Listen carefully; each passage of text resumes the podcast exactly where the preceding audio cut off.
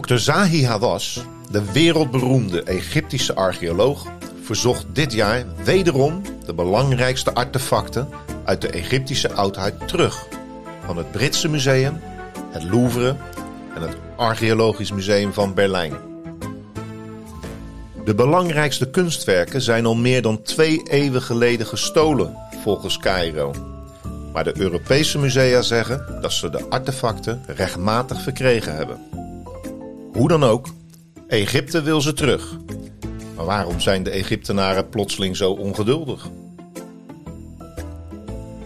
Dit is Kunstmafia, een podcast over roof, vervalsing en zwendel in de internationale kunst- en antiekwereld. Door Rick Bouwman en Robert Tettero.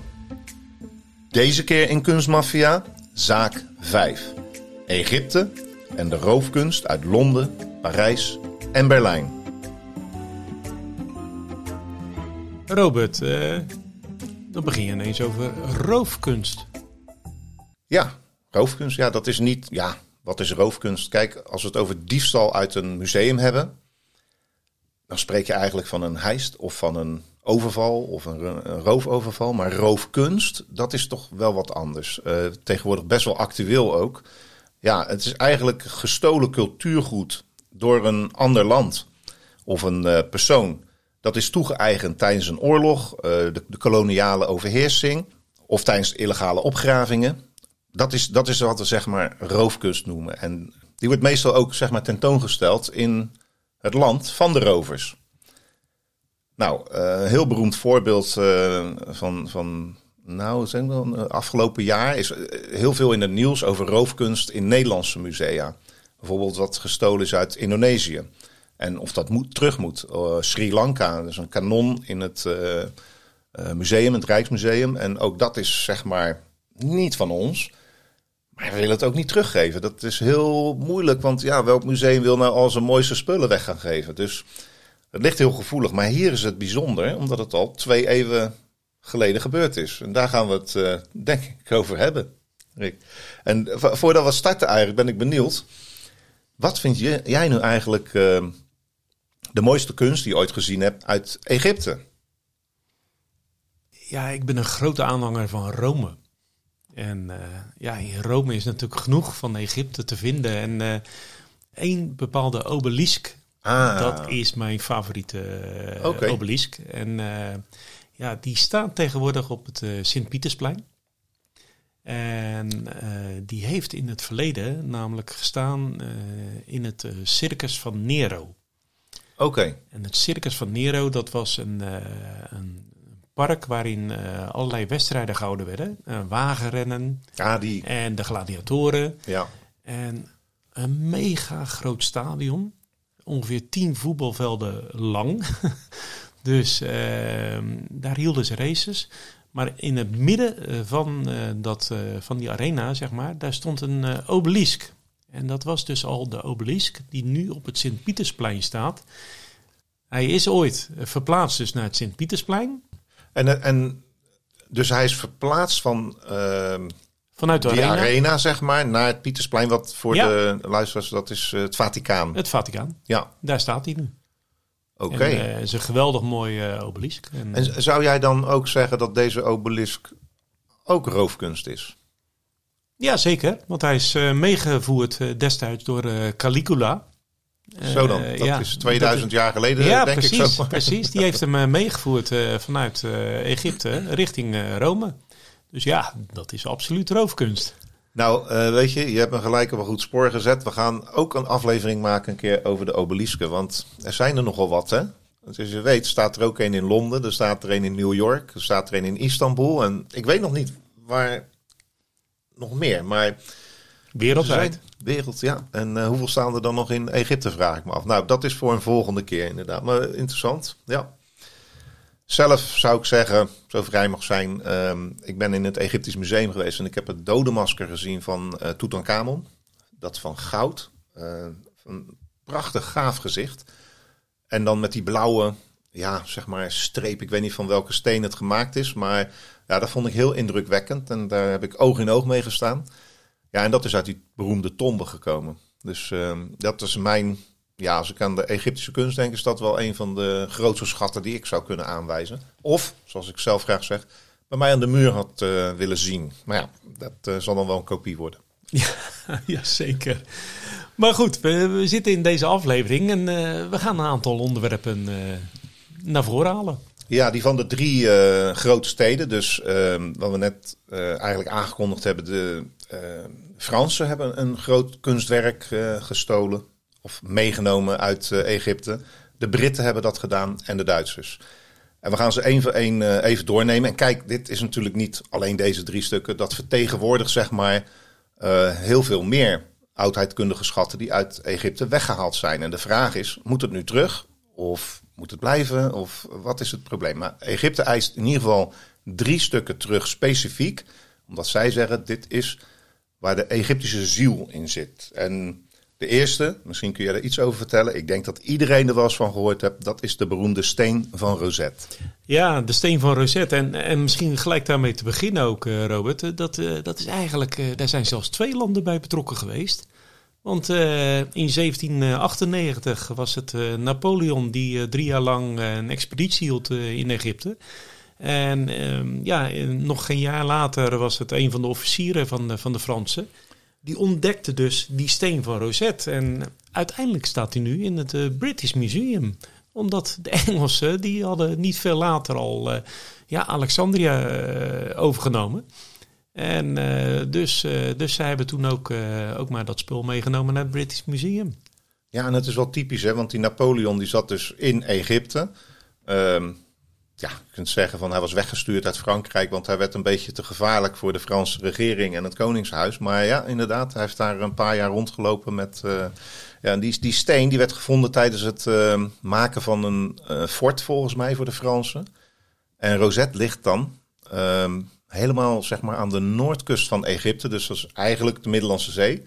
Niet zo ver van Alexandrië vandaan. Ja, en uh, nou ja, die steen die, die is dus uh, bijzonder. En uh, waarom is die bijzonder? ja, omdat hij, nou ja, allereerst hij, qua grootte, hij is ongeveer een meter hoog en, en drie kwart meter breed. maar ja, er stonden drie geschriften op.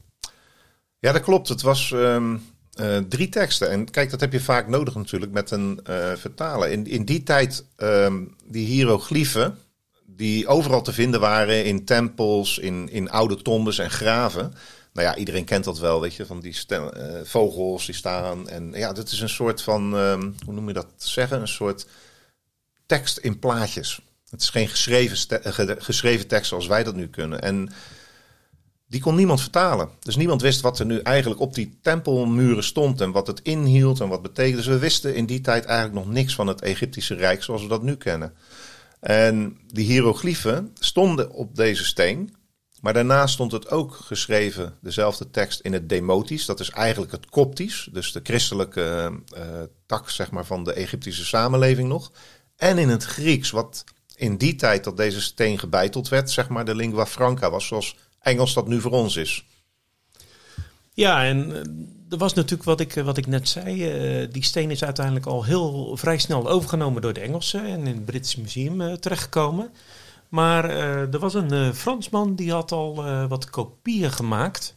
En dat was onze, onze vriend Champollion. Ehm, en ik moet je zeggen, in 1798, toen ze die steen ontdekt hadden, was deze jongeman pas negen jaar oud. En uh, in 1822 heeft hij uiteindelijk heeft hij het naar voren gebracht. Uh, in Frankrijk. En dat heeft hij gedaan uh, ten overstaan van vele luisteraars. want het gebouw waar hij die ja, presentatie gehouden heeft, die zat tot aan de nok toe vol. Omdat er heel veel interesse was voor zijn verhaal. Ja, en hij heeft uiteindelijk nou, ik denk dat hij er wel 20, 25 jaar mee bezig geweest is. Uh, is, die, ja, is het hem gelukt, zeg maar, om die, naar aanleiding van die sleutel met het Grieks en het Koptisch, um, de hieroglyphen te kunnen vertalen? En eigenlijk sinds die tijd, ja, hij is teruggegaan naar Frankrijk, weet ik. Of naar Egypte moet ik zeggen. Natuurlijk, hij kwam uit Frankrijk, is naar Egypte gegaan, omdat hij zo enthousiast was dat hij, hij kon het lezen. Dus hij was de eerste man die die tempels inging en zegt: Oh, hier ligt deze voor deze god. En dit is een uh, tombe van die farao. En ja, dat, dat was een enorme doorbraak. En vanaf die tijd werd het hele Egyptische erfgoed steeds populairder in Europa. Want ja, dat was een enorme ontdekking natuurlijk. Ja, en eh, wist je trouwens dat het hieroglyphen schrift, dat dat eigenlijk een combinatie is van een, een soort van alfabet en tekeningen? En, uh, Vertel verder, Rick. Het, ja, het, het was, het was een combinatie van. Uh, ja, het een stond voor een uh, bepaalde klank of letter. Ja. Maar er werden ook tekeningen in verwerkt. En daardoor hebben ze dat van tevoren eigenlijk nooit kunnen ontdekken. Omdat ze, de, ze kwamen er gewoon niet uit. Ja. Omdat ze dachten van ja, het zijn allemaal letters. Of het, het zijn alleen maar tekeningen.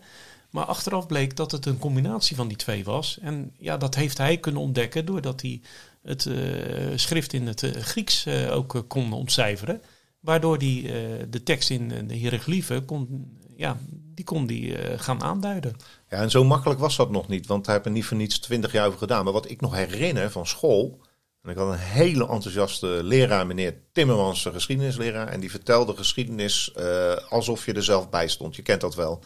En daar heb ik ook een beetje mijn liefde voor de geschiedenis vandaan gehaald en gekregen.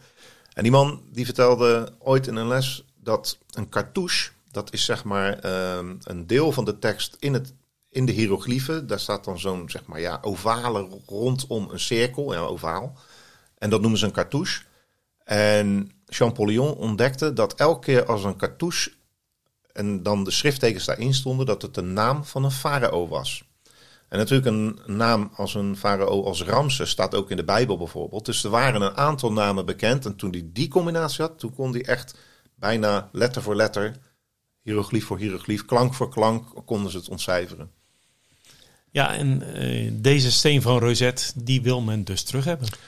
Die, wil, uh, die moet zeker terugkomen. En uh, degene die daar uh, echt een, een, punt van maakt, dat is dokter Zahi Hawass. Ik noemde hem al een beetje in de introductie. En dan denk misschien mensen, Zahi Hawass, ken ik die? Nou, die zou je heel goed kunnen kennen. Want Zahi Hawass, dokter Zahi Hawass, is de man die in heel veel documentaires terugkomt op History Channel, National Geographic, ehm, Discovery. En als het dan over Egypte, uh, Egypte gaat, dan zie je heel vaak uh, zo'n man met een hele grote hoed op. Hij is wat ouder, een beetje grijs. En zijn blauwe spijkerjack. En nou ja, dat is een beetje Mr. Oud Egypte geworden. En hij heeft het, is niet alleen een heel bekende archeoloog en Egyptoloog, maar hij is ook nog minister geworden uiteindelijk voor de oudheidkunde. En hij gebruikt natuurlijk ook zijn beroemdheid om, om een statement te maken. En dat heeft hij gedaan. En hij zegt, ja, dit soort uh, artefacten, zoals de steen van Rosette, ja, dat is gewoon een representatie van de Egyptische identiteit. En het moet terugkomen naar de bevolking van Egypte. En dat is zijn punt waar hij voor staat. En nou ja, dat steen van Rosette is dan uh, op dit moment in het Britse museum te bewonderen. Maar er is nog een veel groter stuk, Rick. Dat uh, staat in het Louvre. En dan wil hij ook terug. Ja, want daar staat de zodiac van Dendera. Inderdaad, de zodiac van Dendera. Nou zeg ik mensen, ik kan me heel goed voorstellen dat mensen dit niet weten of uh, niet bekend mee zijn. Maar een uh, zodiac is eigenlijk een dierenriem. Ja, uh, daar verrast hij mij ook mee, Robert. Ik, ik ben helaas nog niet in het Louvre geweest. En dat is eigenlijk wel een missie natuurlijk. Dus daar moet ik zeker nog een keer naartoe. Maar ja, dierenriem, dat zegt mij zeker wat. En ik wist eerlijk gezegd niet dat het Zodiac de vertaling daar was, van was. Maar ja, de dierenriem, dat is natuurlijk wel iets bijzonders. hoe dat ontstaan is. En, nou ja, dus je kunt... De sterrenhemel, hè? Een sterrenhemel eigenlijk, ja, inderdaad. En mensen die weten wat vaak wel, als je zegt, wat is het teken van jouw dierenriem? Vissen. nou, Ram zit hier, Arius. En dat is eigenlijk gewoon het figuur wat ze in het ja, verleden zagen in de sterren. Daar maakten ze dan een ram van of een, nou ja, de waterman, boogschutter, vissen. En in die e- Egyptische tijd eh, hebben die er misschien een beetje anders uitgezien. Niet allemaal, maar het is de allereerste dierenriem eigenlijk die in steen gebeiteld is in de tempel van Dendera. En samen met Napoleon kwam eigenlijk uh, die wetenschappers terug, met als Rosette uh, een beetje naar voren gekomen is. En uh, zeg het maar. Ja, dat was Vivan Denon, was een van de mensen die, die meekwam. En er waren een aantal ja, geleerden die ze meegenomen hadden. Werden ook wel eens ezels genoemd. ja, omdat ze zo lastig waren. omdat ze zo lastig waren voor, voor de officieren en voor het leger. Ze bleven overal maar hangen en zitten en graven, ja, terwijl zij verder moesten. En, en de kanonskogels vlogen om je oren, maar zij bleven gewoon lekker doortekenen en, uh, en onderzoek doen. Um, nou, de Vivant Denon deed dat uh, dus ook. En uh, die was dus bezig met die zodiac van Dendera. En Robert, volgens mij deed hij dat zelfs natekenen. Terwijl het tempeldak van waar, waar ja, de dierenriem in te ontdekken was, uh, dat was toch allemaal heel duister? Ja, ja, hij zat gewoon in, in, het, in het donker. Hij is op zijn rug gaan liggen. Want ja, je kunt je voorstellen, het is een, het is een dak. Het was heel erg uh, donker. Hij zal misschien wat vuurtjes uh, aangemaakt hebben. En je moet ook niet vergeten, als je nu in Egypte een tempel inloopt, ziet er misschien fantastisch mooi gerestaureerd uit. In die tijd lagen ze eigenlijk half in puin. Dus dat waren net grotten waar je naar binnen moest gaan. En hij is op zijn rug gaan liggen en is beginnen te tekenen. En ja, op een vrij uh, goede manier. En je hebt het al gezien natuurlijk. Ik heb een boek meegenomen. Ja, ik, uh, ik vind dat toch wel het uh, vermelden waard, Robert. Want het is echt bizar. Maar je hebt gewoon een boek van Vivan Denon in, in je bezit.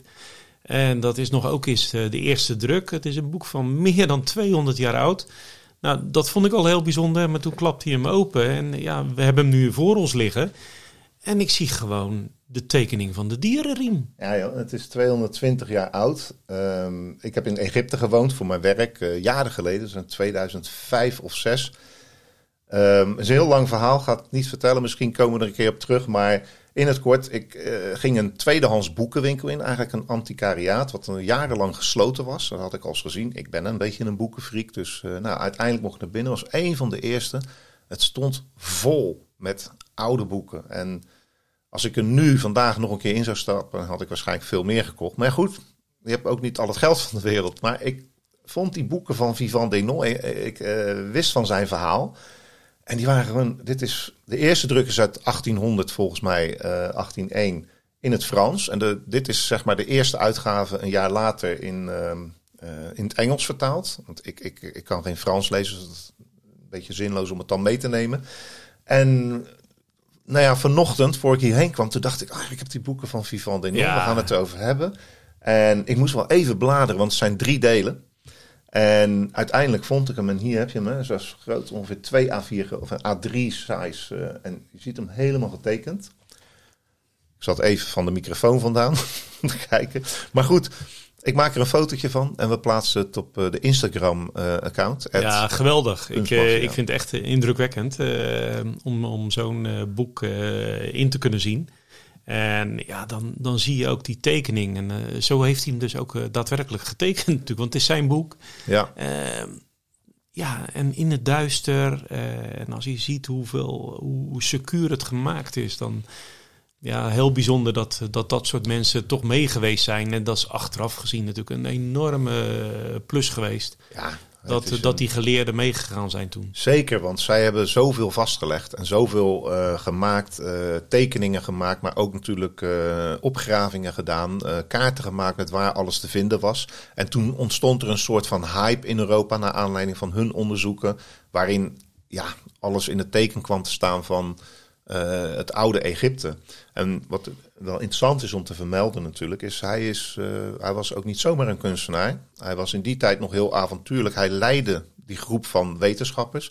En Napoleon, toen Napoleon terugging en uiteindelijk uh, de Big Boss werd in Europa, maar zeker in Frankrijk zichzelf tot keizer kroonde, werd Vivant Denon de allereerste directeur van het Louvre. Ja. Dus het is niet zo gek dat hij er gekomen is, maar misschien kun jij vertellen hoe die Zodiac dan uiteindelijk in Frankrijk terechtgekomen is. Ja, want uh, nou komen we toch weer bij een of andere rover uh, terecht. En uh, ja, dat, daar gaan onze uitzendingen natuurlijk over. Dus dat was Claude Le Lorrain. Die, dat was een antiek rover uit, uit de 19e eeuw. En in 1822 gebruikte hij zagen, vijzels, buskruid Oh. Ehm, om de cirkelvormige, cirkelvormige dierenriem ehm, te verwijderen uit, uit het tempeldak. Dus hij heeft echt het, ja, het dak, zeg maar, vrijgemaakt om dat mee te kunnen vervoeren richting Frankrijk. En, en dat is nu echt terug te vinden in het Louvre. Hij heeft dat meegenomen naar Frankrijk, heeft het daar aan de koning aangeboden.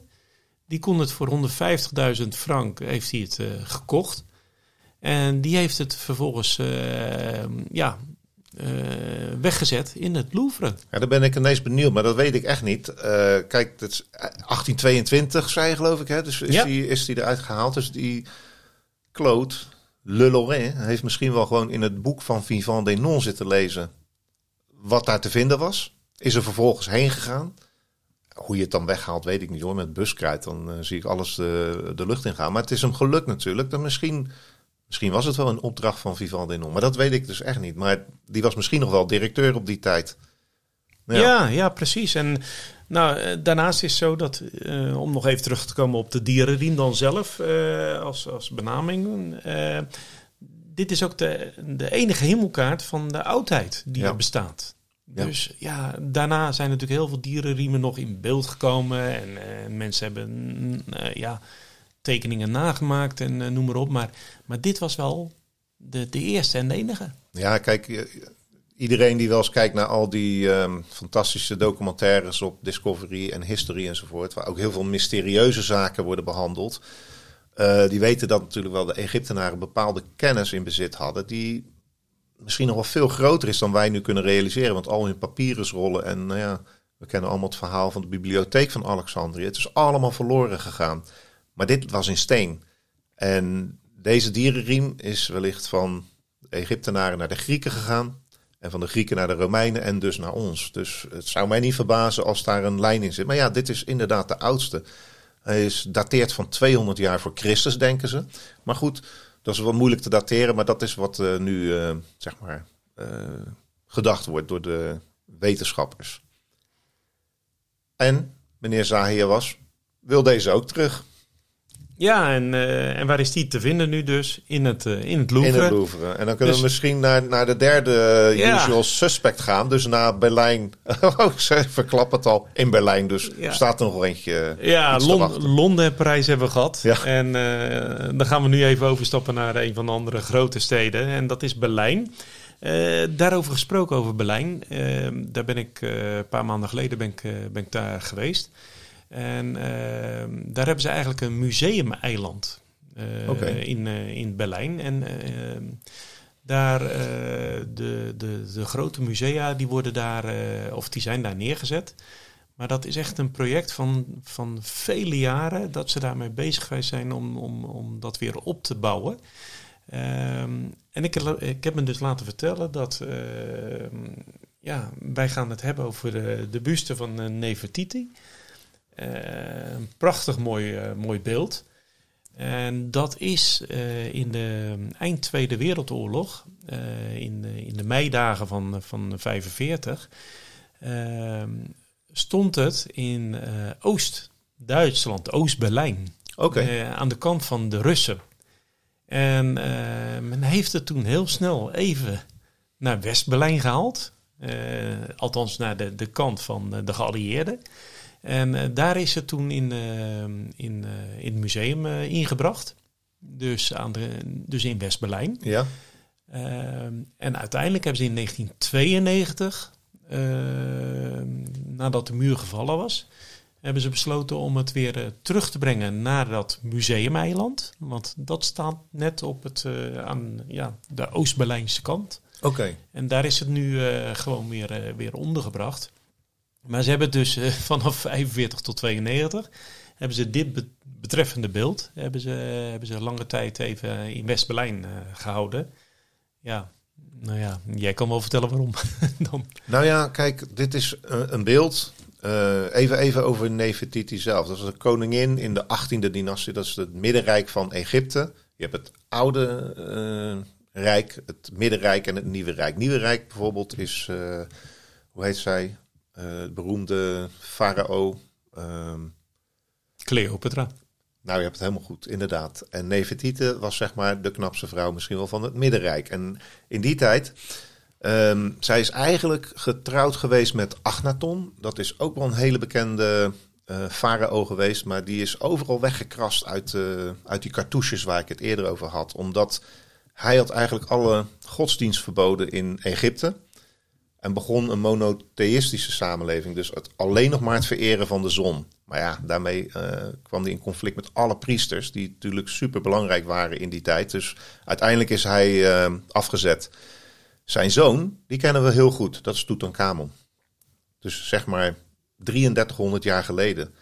Net zoals dat beeld van uh, dat gouden dodemasker wat gemaakt is van uh, Tutankhamon, is dit beeld van Nefertiti echt van een uitzonderlijke schoonheid. Want misschien ken je al die, die farao-figuren, wat die zien er wat houterig uit altijd. Of een beetje in een aparte stijl zijn die gemaakt. En in deze tijd van Nefertiti wordt er dus een beeld van haar gemaakt en ook van Agnaton, die gewoon echt lijken. Echte gezichten. En dit is ook helemaal in kleur enzovoort teruggevonden.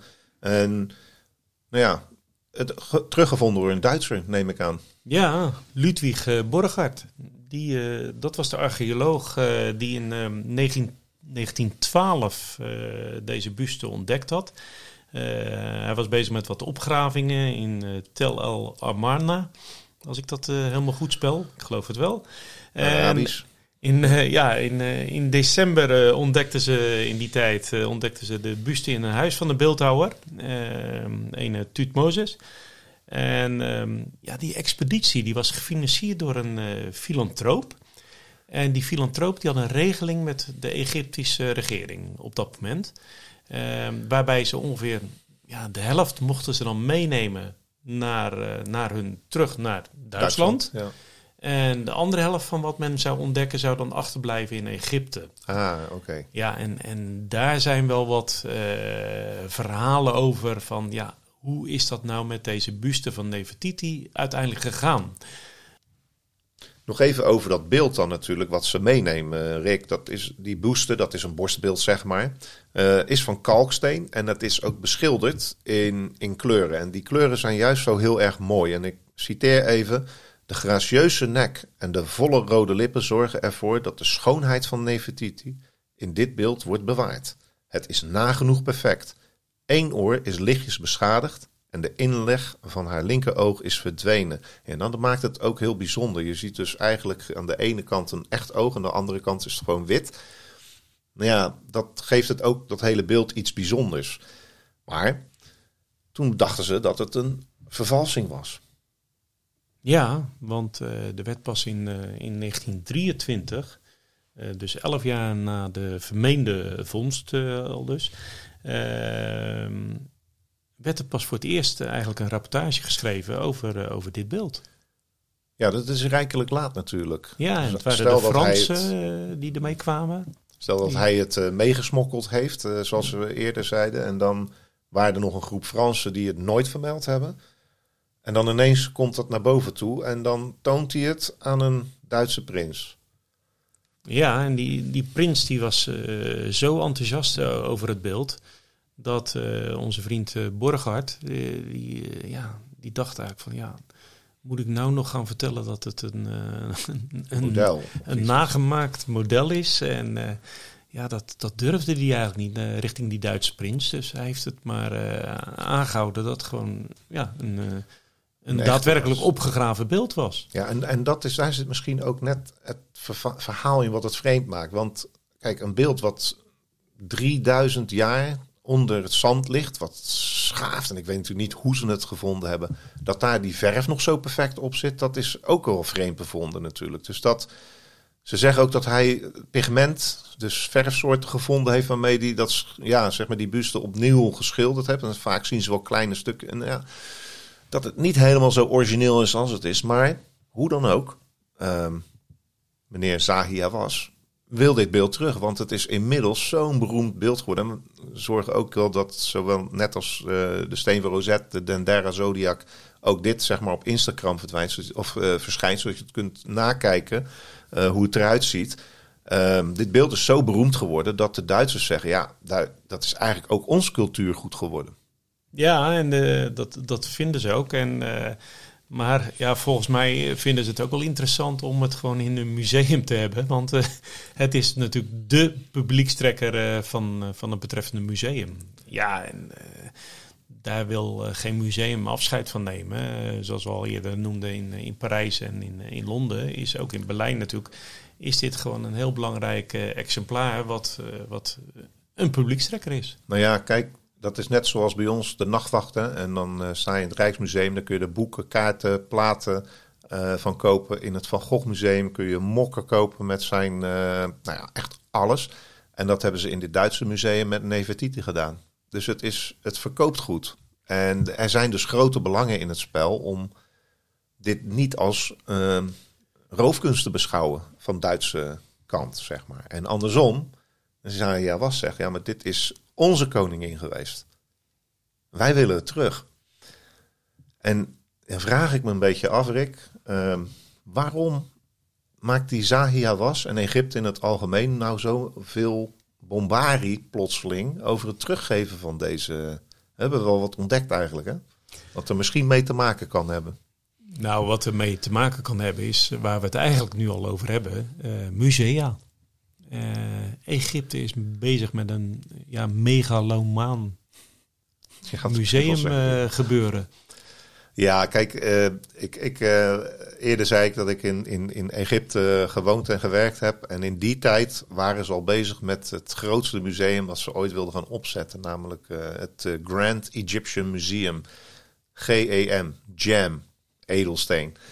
En dat moest natuurlijk iets fantastisch moois worden en heel groot. En ik kan me dat ook wel voorstellen. In die tijd ben ik natuurlijk een paar keer in het oude museum geweest, of het huidige museum.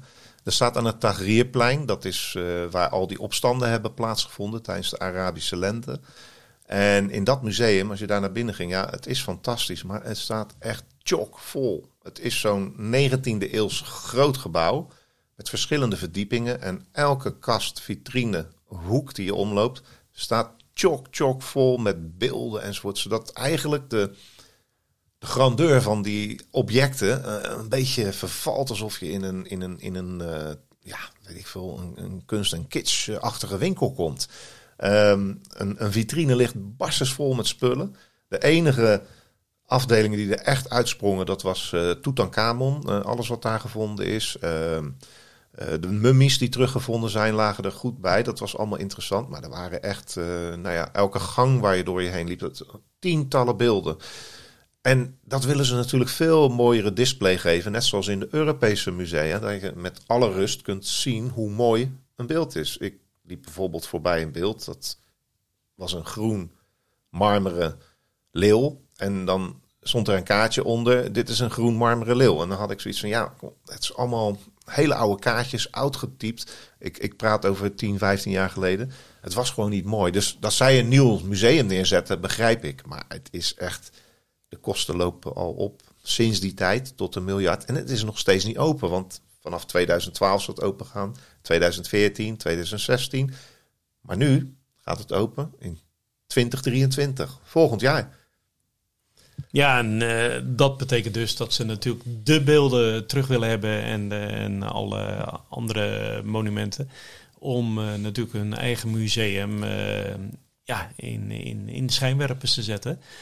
Um, maar dan kom ik toch nog even terug op, op de drie onderdelen die we vandaag hebben besproken. Berlijn, Londen en Parijs. Daar staan natuurlijk deze stukken nu. Ehm, wat me dan toch weer opvalt is uh, we hebben het toch weer over vervalsing gehad. Ja. Uh, we hebben het gehad over uh, roof. Ehm, het lijkt wel alsof kunst niet zonder dat soort zaken kan. Ja, dat is, ehm, dat is waar. Dat, dat komt er al bij. En ik denk dat de reden die daarachter ligt, is dat kunst. en, en iedereen die het nieuws een beetje volgt, dat je eens een keer naar het journaal zit te kijken en ziet dat er weer een Van Gogh voor 20 miljoen afgehamerd is dat komt omdat het zo waanzinnig veel waard is. En vaak ook heel uniek is. En om, hoe, hoe meer de waarde, hoe hoger de waarde, hoe veel meer geld eraan aan, uh, en voor gegeven wordt. Ja, Hoe, ik bedoel, je bent een miljardair. We hebben nog nooit zoveel miljardairs gehad in de wereld als nu. Ja, die willen allemaal toch wel wat leuks in hun. die gaan niet voor een plaat uit de IKEA die iedereen heeft. Dus je moet iets origineels hebben. En ja, dat is dit. Deze kunst is daarmee gemoeid. En natuurlijk ook als je dat soort grote beroemde artefacten hebt, zoals de steen van Rosette en de, de buste van Nefertiti, die wil je niet kwijt. Dus er is een soort van uh, strijd gaande nu van, uh, moet dat wel of niet terug? Kijk, Zahir Was, die heeft het museum, dat gaat volgend jaar open. Grote belangen voor toerisme, want dat is natuurlijk slecht gegaan in de afgelopen jaren met Egypte. En hiermee kunnen ze de, de toeristen terughalen. Dus dat zou wel mooi zijn als die drie objecten op een rij staan. Naast wat ze allemaal al hebben. In een fantastisch mooi gigamuseum met enorme hoge plafonds. En beelden van 12 meter hoog die daar ingetakeld worden. Ja, dat willen ze natuurlijk wel terug hebben. En die strijd, die gaan ze misschien nog wel winnen, denk ik. Ja, en uh, wat, wat vind je dan persoonlijk, uh, Robert? Hoe zou jij het willen zien? Wat vind nou, jij de oplossing? De, de oplossing, ja, die heb ik ook niet natuurlijk. En, maar ik kan hem wel geven wat ik denk. Uh, kijk, die kunst die is gemaakt voor uh, mensen om te zien. Mensen als jij en ik, mensen als, uh, die nu luisteren. Die denken, ja, ik vind dat hartstikke mooi om naar te kijken. Um, je kunt dus naar Berlijn voor de Nefertiti en, en, en veel meer. Je hebt in Leiden een fantastisch archeologisch museum staan. Staat ook vol met Egyptische kunst.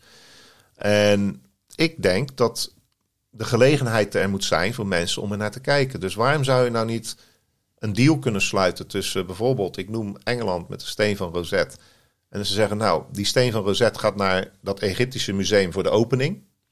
En dat doen we ook met uh, dat beeld van Nefertiti. En we doen dat met die Zodiac. En deze musea krijgen een half jaar later het dode masker en een expositie van Tutankhamon die op reis gaat. En dat dat vertrouwen komt. Want Duitsland die geeft nu aan, ja, dat beeld van Nefertiti kunnen we niet verschepen.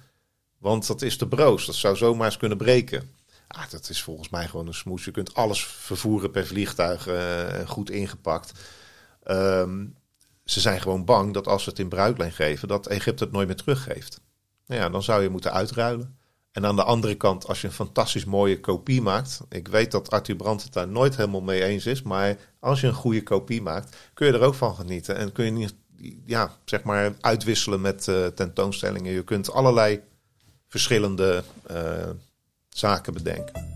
Luister jij graag naar Kunstmafia en wil je Rick en Robert ondersteunen? Ga dan, als je wat kan missen, naar fooiepot met een d.com slash kunstmafia. En geef daar een digitale fooi. Dus fooiepot.com slash kunstmafia. Volgende keer in Kunstmafia, zaak 6 meestervervalser Eric Hepburn en zijn duizend verkochte vervalsingen.